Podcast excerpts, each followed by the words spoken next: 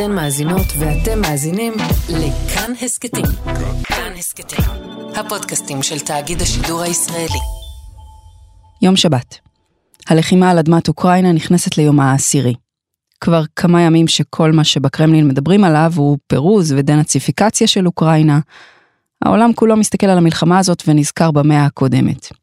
אבל פתאום, משפט אחד של שר החוץ הרוסי סרגי לברוב, זורק אותנו למאה הנוכחית ונותן הצצה לשאיפות אחרות אולי, שיש לרוסיה במלחמה הזאת. Russia is demanding written US guarantees that sanctions on Moscow over its invasion into Ukraine would not damage Russian cooperation with Iran. Гарантии нам нужны, что вот эти санкции никоим образом не затронут тот режим, לברוב דורש מארצות הברית ערבויות שהעיצומים שהיא מטילה עליהם עכשיו במלחמה לא יפגעו ביחסים שלה, של רוסיה עם איראן.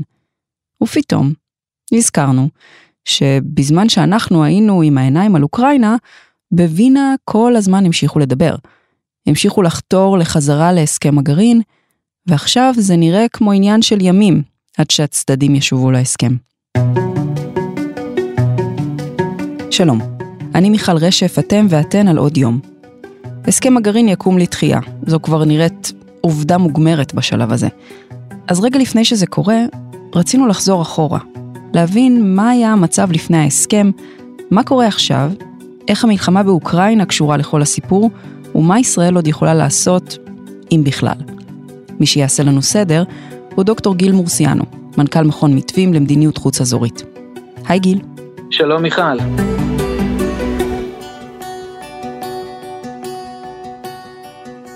בואו נעשה תקציר הפרקים הקודמים. מה קבע הסכם הגרעין okay. אוקיי. הקודם? אז הסכם הגרעין שנחתם בין איראן לבין מה שנקרא P5 פלוס 1, מדינות מועצת הביטחון של האו"ם, ארה"ב, רוסיה, סין, בריטניה וצרפת, בנוסף לגרמניה, נחתם ב-2015 ונועד לבצע לא אה, חיסול מוחלט, אלא הקפאה של פרויקט הגרעין האיראני והארכת זמן הפריצה במקרה והאיראנים מחליטים להפר את ההסכם ולרוץ לכיוון של פצצה גרעינית. הסכם מאוד מאוד מסובך, אבל שני דברים מהותיים זה לצמצם את מאגר כמות האורניום המועשר שבידי איראן, מ-12 טון ל-300 קילוגרם, ויותר חשוב מזה, לצמצם את כמות או את אחוז ההעשרה של אותו אורניום על ידי איראן. אורניום מועשר זה בעצם מרכיב חשוב, קריטי, עבור יכולת לבנות פצצה גרעינית, חומר בקיע, שיכול ליצור שרשרת אה, תגובה גרעינית. ולכן האיראנים, אחד הדברים החשובים היה להנמיך את אחוז ההשערה שלו, ההסכם קבע שהאיראנים יכולים להשאיר רק כמות מסוימת עד פחות מ-5 אחוז, כלומר mm-hmm. הרבה מתחת ליכולת צבאית מה שנקרא, לחומר מועשר שיכול לשמש לפצצה גרעינית. מה המערב מבטיח בתמורה? המערב כמובן, הגזר העיקרי בתוך הסיפור הזה זה ההסרה של הסנקציות, סנקציות גורפות, נגד איראן, נגד מגזר אה, יכולת ייצוא הגז ונפט שלה בהיקפים מאוד מאוד רחבים, גם סנקציות אה, אישיות וגם סנקציות קיבוציות כלפי סקטורים, שבעצם היו קיימים במשך שנים לפני ההסכם כלפי איראן. ממה שאנחנו יודעים, איראן, לפחות עד הפרישה של ארה"ב ב-2018, איראן עמדה בהסכם? אז כך, אפשר לומר בפה מלא, ואיששו את זה גם מומחים של הסוכנות לאנרגיה אטומית, וגם בכירים ישראלים מתוך מערכת הביטחון שלנו, שאיראן בעצם עמדה, לפחות בליבת ההסכם, בדברים העיקריים, איראן אכן עמדה. כלומר, אין לפחות הוכחות, למרות מאמץ מודיעיני מאוד רחב, שמדגימות שהיא הפרה את ההסכם. לדוגמה, היא הייתה אמורה ואכן העבירה את כל המאגרים הקיימים שלה של אורניום לרוסיה. אגב, מדינה מעניינת בהקשר הזה. Mm-hmm. היא עשתה, צמצמה את מספר הצנטרפוגות. הערב אנחנו uh, נציג לעולם מידע שלא נחשף אף פעם. מדובר בהישג מודיעיני מן הגדולים שידעה מדינת ישראל. כיוון שאני רוצה ש... גם הארכיון הידוע, שבזמנו המוסד uh, הצליח להשתלטת עליו uh, ודיבר על ערכו, לא הראה או לא חשף הפרות של ההסכם אחרי 2015.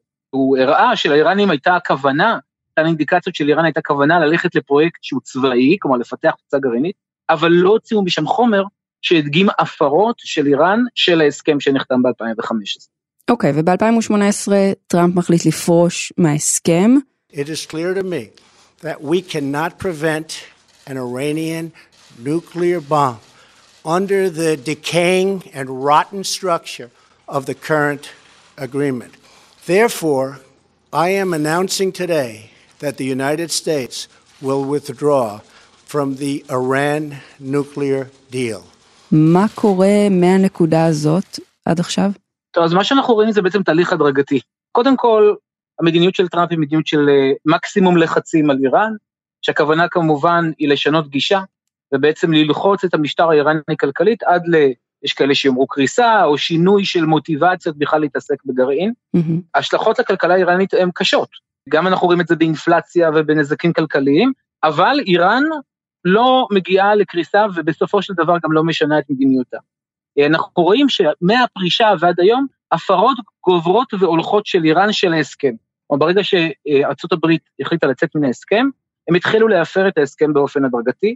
כלומר, מדיניות של אה, מקסימום לחץ נתקלת במדיניות קצת דומה מהצד השני.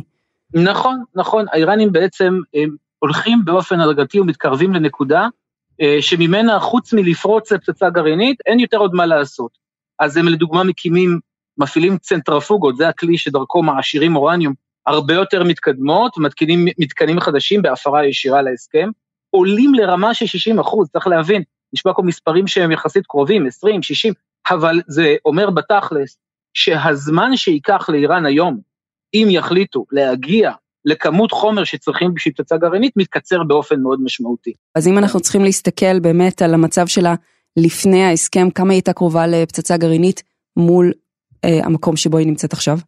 אז זה מאוד מעניין, כי תראי, ב-2015 אני חושב שהשיחה הייתה בעיקר להגביל את היכולות האיראניות להגיע לפצצה. ובתוך אותו, אותו אה, הסכם שהיה אמור להיבנות ל-15 שנים, בעצם הרעיון היה שלאט לאט האיראנים גם יירגעו לגבי המוטיבציות שלהם לפתח אה, נשק גרעיני.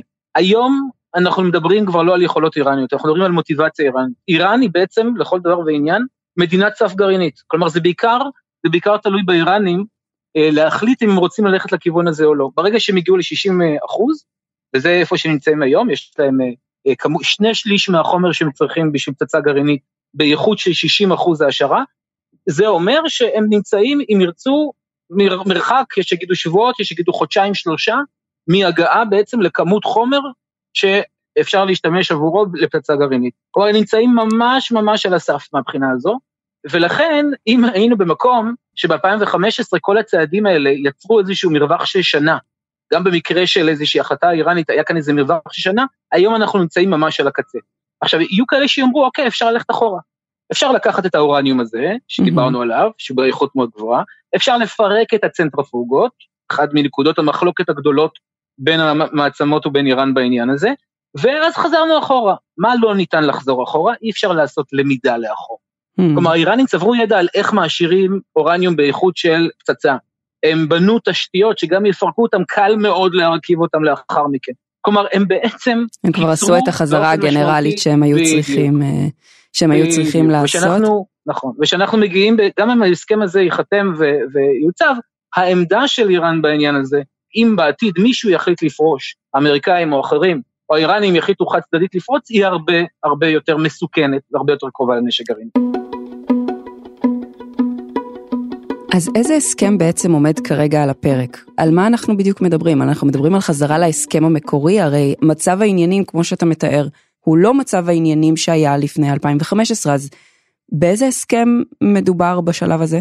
נכון, אז באמת החזרה, נאמר כך, המתווה של ההסכם שעכשיו עובדים עליו בווינה במקומות אחרים, אה, הוא מתווה מאוד דומה למה שהיה, מתוך הכרה שיש כאן דברים שהשתנו ולא יכולים לחזור אחורה. אבל אחת הנקודות באמת מחלוקת בין המעצמות לבין איראן זה מה יקרה לצנטרפוגות המתקדמות.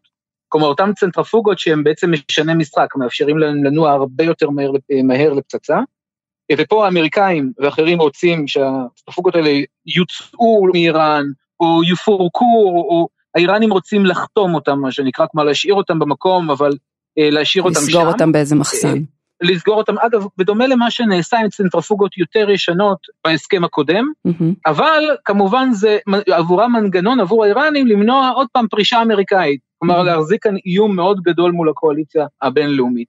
אז זה אולי אחת הסוגיות המרכזיות. יש כאן סוגיה שעומדת במחלוקת לגבי מה שנקרא sequencing, כלומר, מה בא קודם? איזה סנקציות מוסרות עבור איזה צעד, ואילו סנקציות בכלל מוסרות, האיראנים לדוגמה מאוד רוצים הסרה של סנקציות, על המערכת הכלכלית של משמרות המהפכה, Mm-hmm. נושא שמאוד צריך לעניין אותנו. אלה אותם גורמים שתומכים בפעילות בסוריה ובלבנון, בעיראק ובתימן, אם אה, נדבר גם בהקשר הזה, וזה אחד הדברים שהם רוצים להעלות, ומן הסתם אה, המערכת הבינלאומית אה, יש לה בעיה עם העניין הזה.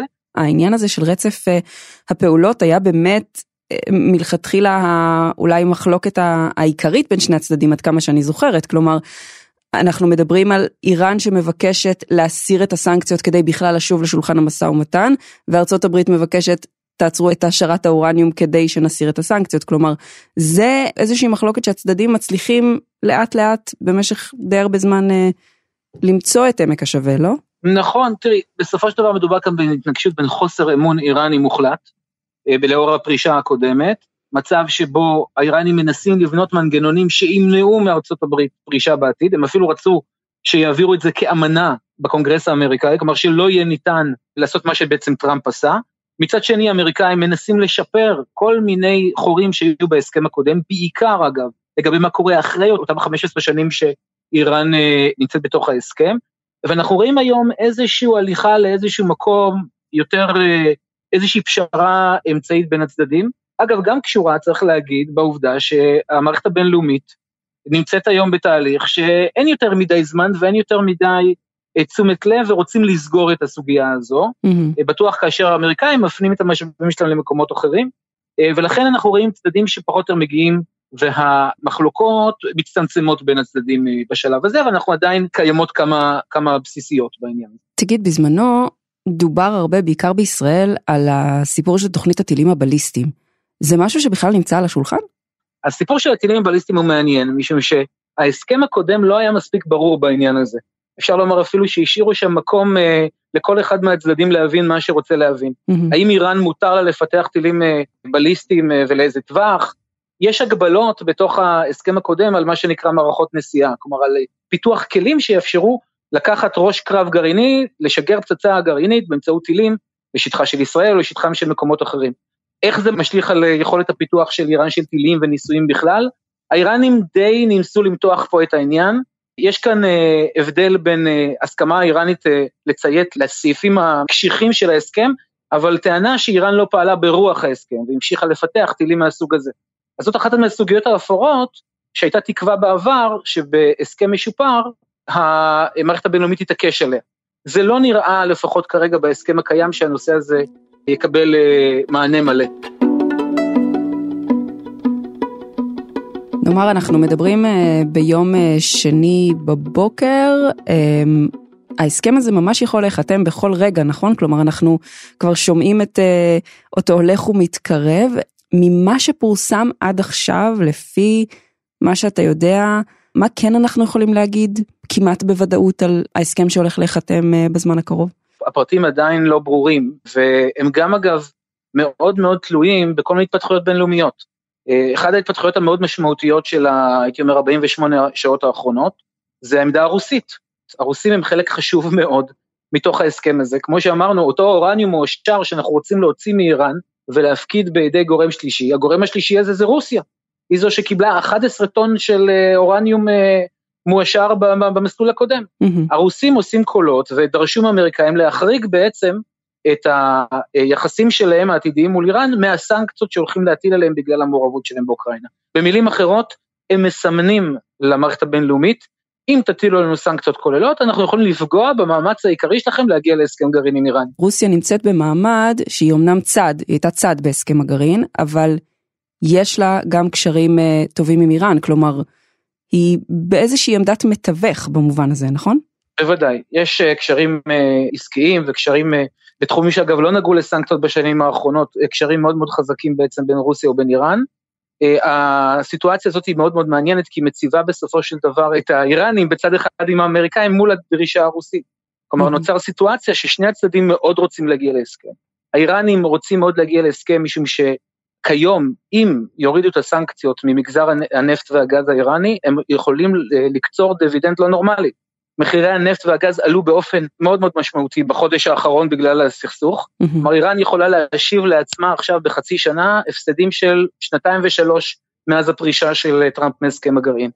אה, ולכן לאיראן ולארצות הברית יש אינטרס מאוד גדול להצליח בסופו של דבר עם ההסכם הזה, והרוסים נכנסים כאן בסוגיה מאוד מאוד מעניינת. קצת כמו מה שאנחנו רואים בזירות אחרות, בסוריה ובמקומות אחרים, זה כלי לאותת, יש לנו כוח בינלאומי, תיזהרו שאתם מתעסקים איתנו, כי יש לנו יכולת להשפיע על תהליכים מאוד משמעותיים.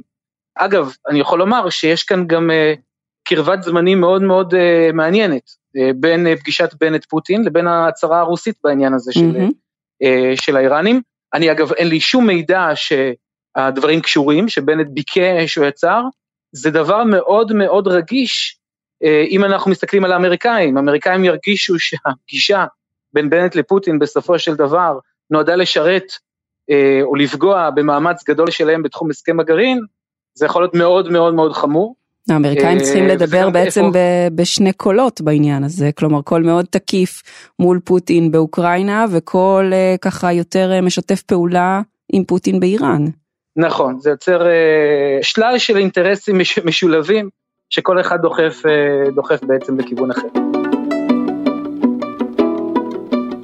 מה ישראל יכולה לעשות, או צריכה לעשות, אם יש מה לעשות, נוכח ההסכם המתגבש הזה? קודם כל, ישראל, אה, אפשר לומר היום, גם כן בפה מלא, שאנחנו פספסנו הזדמנות. כשאנחנו מסתכלים על 2018, לפני הפרישה של טראמפ מהסכם הגרעין, היה רגע, ממש לפני הפרישה, כאשר האיראנים היו תחת לחץ של איום של פרישה, והיו כבר דיונים בברלין, במקומות אחרים, על אולי לבנות איזשהו הסכם משופר. אה, תחת האיום של, אה, של הפרישה מתוך ההסכם. ברגע שלא ניצלו את זה, ברגע שפר, שטראמפ בעצם פרש, האיראנים בעצם חוו כבר את הסנקציות הכלכליות, אה, ראו שהשד, השד אמנם היום, אבל הם הצליחו להתמודד איתו, ובעצם היכולת היום של המערכת הבינלאומית לדרוש שיפור של תנאים מול איראן היא מאוד מוגבלת. לישראל יש ביקורת על שני דברים פה, צריך להפריד בין שני סוגי הביקורת. אחד זה ביקורת על ההסכם עצמו, כלומר על, על הפריטים שלו. אה, מה קורה אחרי 15 שנים? מה קורה בסופו של דבר לתשתית הגרעינית של איראן? זו ביקורת שהיא קיימת על ההסכם, אבל יש גם ביקורת שעוסקת במה שלא נמצא בתוך ההסכם, והיא חשובה מאוד. כלומר, אנחנו ראינו אמנם ציות איראני אחרי 2015, אבל בד ובד עם הציות האיראני בעניין הגרעיני, ראינו הגברה של פעילות איראנית בתחום האזורי. בסוריה, בלבנון, בעיראק, בתימן, הגברה של פעילות צבאית בחלק מהמקרים ממש של משמרות המהפכה כמו שראינו בסוריה. כלומר, אם אנחנו מניחים שההסכם הזה יכלול את הסרת הסנקציות והגברת יכולת העבודה של איראן הצבאית בכל המקומות הללו, איך זה משפיע על המרחב האזורי? בעבר דובר על אפשרות לנסות לשלב בין שני הדברים, ליצור איזשהו חיבור. זה חיבור שישראל עדיין מנסה לפחות אתה יודע, היה איזשהו שינוי כיוון, כלומר, אם בעבר דובר על אה, כך שמדובר בהסכם רע ואסור לחזור אליו, עכשיו כבר יש איזושהי הבנה שההסכם הזה כן הולך להתגבש, אז יש ניסיון לקשור גם את הפעילות האיראנית האזורית פה לתוך ההסכם הזה. נכון, מה שנקרא, את יודעת, נתניהו קרא לזה איראן ואיראן, שהוא נפגש עם מרקל, ובנט קרא לזה איראן, איראן ואיראן. והכוונה כאן לא, זה לא חזרה למען הדגשה, זה באמת שני סוגיות שונות של איראן. מצד אחד גרעין, מצד אחד אזורית, והאזורית היא, היא כמובן מאוד חשובה לישראל בסיטואציה הנוכחית, במיוחד בהקשר אה, של סוריה ולבנון, והמקום של איראן בעיצוב הסדר במקומות הללו. העניין הוא שישראל, אפשר לומר, קצת איחרה את הרכבת. כלומר, המצב היום הוא כזה, במיוחד בסיטואציה הנוכחית באוקראינה, המחנה הבינלאומי מול איראן הוא הרבה יותר מפורד, כלומר הוא פחות אה, חזית אחידה משהיינו ב-2015, אה, סין והיחסים שלה מול איראן, גורמים אחרים בתוך הסיפור.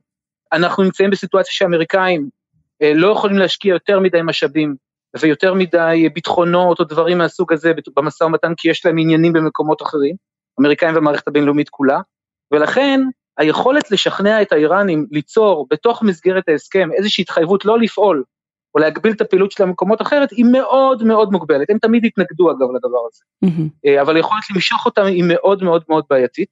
אבל יש כאן בהקשר של הפעילות הישראלית, שאלת אותי לגבי מה ישראל יכולה לעשות, אה, קודם כל צריך להבין שדוקטרינת בגין, אותה גישה ישראלית של איך להתמודד עם איומים גרעיניים מהעבר, היא כבר לא רלוונטית. אותה mm-hmm. גישה שאמרה אנחנו נפעל בכלים צבאיים, ובעיקר כחול לבן. ראינו את זה בעיראק, אה, ראינו את זה בסוריה, אמנם בשיתוף פעולה עם האמריקאים, אבל שיתוף פעולה מאוד צמוד, כלומר, בעיקר עבודה צבאית. האופציה הצבאית, לפי מה שאתה אומר, לא קיימת מבחינת ישראל?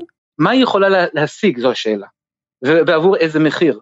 האופציה הצבאית היום יכולה אה, לדחות או להגביל, דיברנו על הלמידה האיראנית. דיברנו על, אה, בשנים האחרונות על חיסולי מדעני גרעין שהיו אה, נכון. מיוחסים לישראל, אז הנה אותה, בדיוק אותה למידה איראנית, זה, זו הפגיעה בה, אבל אתה אומר שזה בעצם לא יכול אה, למנוע את ההגעה לפצצה, אלא רק לעכב אותה. זה לא מנע. כלומר, אנחנו עברנו מעולם שאנחנו מדברים על יכולות, וניסיון למנוע יכולות, לניסיון למנוע מוטיבציות. תראו, mm-hmm. אנחנו קיבלנו אולי אפילו איזושהי תפיסה מוטעית בגלל הצלחות שלנו במקומות אחרים. הפצצת המתקן הגרעיני בסוריה בעניין הזה. איראן היא סיפור אחר. זה לא כור אחד בנקודה אחת שבו מרוכזים כל המאמצים, זה מוטיבציה של אומה שלמה להגיע, או לפחות להגיע ליכולת סף גרעינית, ולכן המשחק מול היכולות הוא גם משחק שהוא במידה רבה אבוד. Mm-hmm. מה ניתן להציב מולו? צריכים להבין שזה איום מסוג האיומים שישראל לא יכולה להתמודד איתם כחול לבן, אך ורק ביכולותיה.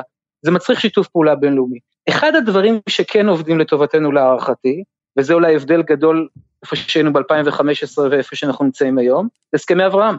ב-2015 היכולת לדבר כאזור על האיום האיראני היה הרבה יותר מוגבל, לפחות היכולת לדבר על, ה, על העניין הזה באופן פומבי. Mm-hmm. להציב עמדה אזורית שאומרת למערכת הבינלאומית, רבותיי, אתם רוצים לחתום הסכם גרעין, זה מצוין, אנחנו רוצים הסכם נוסף או התייחסות נוספת או ביטחונות נוספים לגבי הדברים שגם מעניינים אותנו באופן ישיר, וזה בעצם הפעילות האיראנית.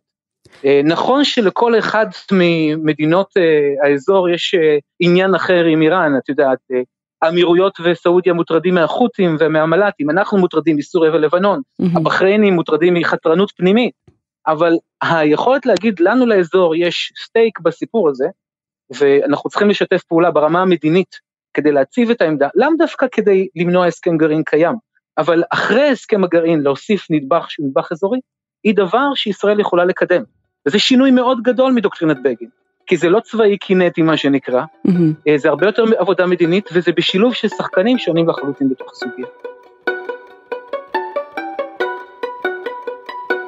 גיל, אתה חושב שהאיראנים מסתכלים עכשיו על האוקראינים שב-94 נאלצו לוותר על אה, ארסנל הנשק הגרעיני שלהם, ואומרים, הנה, זה הצדקה עוד יותר אה, להישאר במקום אה, שאנחנו נמצאים בו, ונשים פה disclaimer, ארסנל גרעיני שהם לא באמת יכלו להפעיל, אבל עדיין. השאלה הזו של אה, נוכחות של נשק גרעיני כ guarantee מפני אה, פלישה זרה היא שאלה מורכבת. אה, אני חושב שהאיראנים יותר מסתכלים על המודל של צפון קוריאה, והמגבלת הפעילות של המערב מול צפון קוריאה בגלל, בגלל העובדה שהיא מחזיקה בנשק גרעיני, אני חושב שזה גם מודל ש, שבעבר הוזכר. צריך אבל להבין גם שיש כאן הבדל בין שני דברים, בין מניעה של פעילות צבאית כנגד מדינה בגלל שיש לה נשק גרעיני, לבין מדינה שצוברת נשק גרעיני אבל הופכת להיות מה שנקרא פראיה סטייט, מדינה מצורעת. Mm-hmm. כלומר היא מונעת פלישה אבל הופכת להיות גם מבודדת מאוד מן המערכת. לדעתי זאת אחת הסיבות שהאיראנים באיזשהו מקום משחקים כאן משחק שהוא בעיקר דיפלומטי, כלומר עוצרים בקו של ה-60 אחוז השערה. Mm-hmm. הקו של ה-60 אחוז השערה כמו שהוא עניין פיזיקלי הוא עניין מאוד מדיני, הוא מסר דיפלומטי. הוא אומר רבותיי אנחנו הגענו לצד הכי קרוב שאפשר לפריצה לגמרנו, לעניין שאי אפשר לחזור ממנו אחורה. ולכן הניסיון האיראני הוא לשחק בין שני המקומות, גם לשרת האינטרסים הלאומיים של איראן מצד אחד, באמצעות ההתקרבות לתחום הגרעיני, אבל גם לא לעבור איזשהו סף שיגרום לאיראן להפוך להיות מדינה אה, מבודדת בעניין הזה. זה משחק של בלנס שהאיראנים די טובים בו, ויודעים גם לנצל את הנסיבות הבינלאומיות בהקשר. דוקטור גיל מורסיאנו, תודה רבה. תודה לך מיכל.